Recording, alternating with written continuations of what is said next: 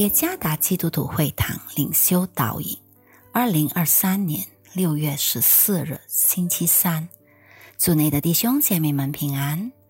今天的领修导引，我们将会借着圣经约翰一书二章十六节来思想今天的主题：谨防眼目的情欲。作者何成礼牧师。约翰一书二章十六节。因为凡世界上的事，就像肉体的情欲、眼目的情欲，并今生的骄傲，都不是从父来的，乃是从世界来的。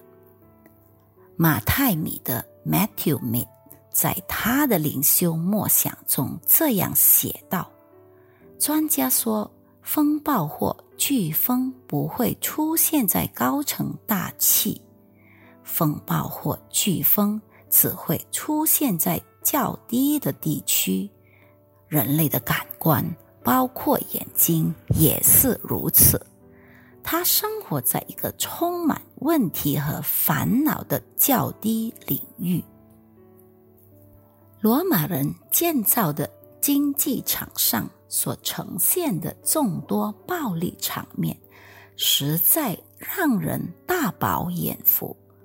包括向社区公开展示，特别是针对基督徒的暴力行为，更不用说在罗马拥有偶像庙宇中所发生的淫秽景象，看了使人悦目于心。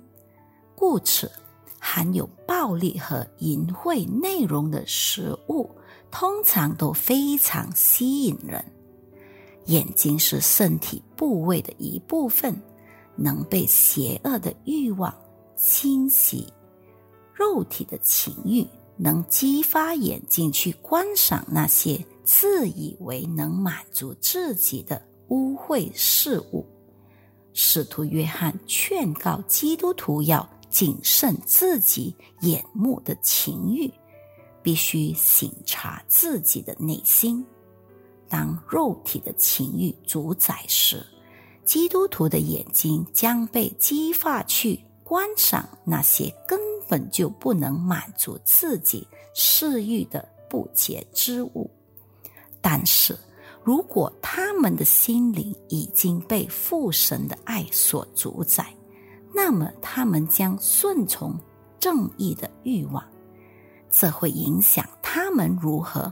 控制眼睛来看待正义的事物。现今也有很多含有暴力和淫秽内容的物品。科技的进步可以呈现各种暴力和淫秽的场面，许多男女老少也都喜欢观看各种含有暴力和淫秽内容的物品。基督徒也不例外。那两种题材通常被恶者用来败坏神的儿女。透过圣经的话语，劝告我们要谨慎我们眼目的情欲。方法就是要不断的操练我们爱上帝的心，并将圣经的真理存记在心里。除此以外，不断祈求圣灵来引导我们顺服真理，与肉体的情欲征战。别让你的眼目关注于污秽之事物，因为它将会腐蚀你的灵魂。